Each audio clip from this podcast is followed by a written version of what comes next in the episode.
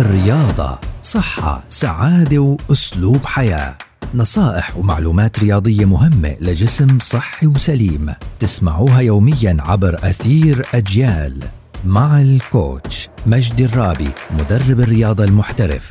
مع الكوتش بودكاست من أجيال. يأتيكم كي تطوروا أجسامكم نحو صحة أفضل.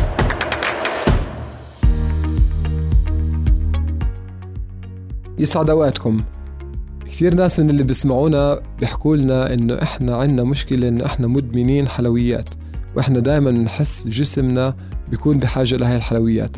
طب إحنا بدنا نحكي على الأسباب وليش بصير معنا هيك وكيف ممكن أتجنب هذا الموضوع.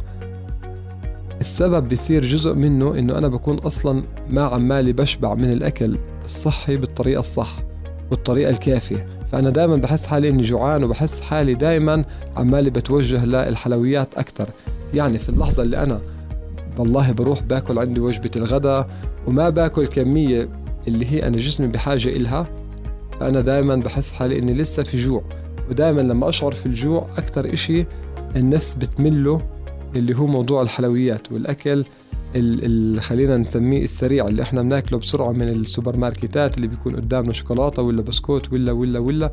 فإحنا دائما بنحس حالنا إنه إحنا بدنا ناكل هذا الحلو بهاي الطريقة هذا الجانب الأول. طب أنا كيف أتجنب هاي الأمور؟ بدي أحاول دائما إنه أشعر بالشبع دائما ما أحس حالي عمالي بشعر بالجوع.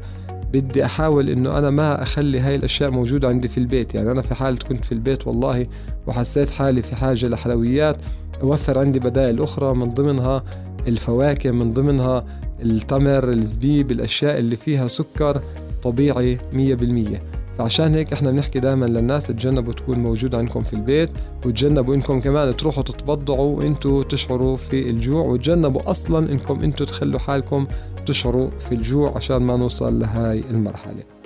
نتمنى الصحة والسلامة للجميع. in sports we share love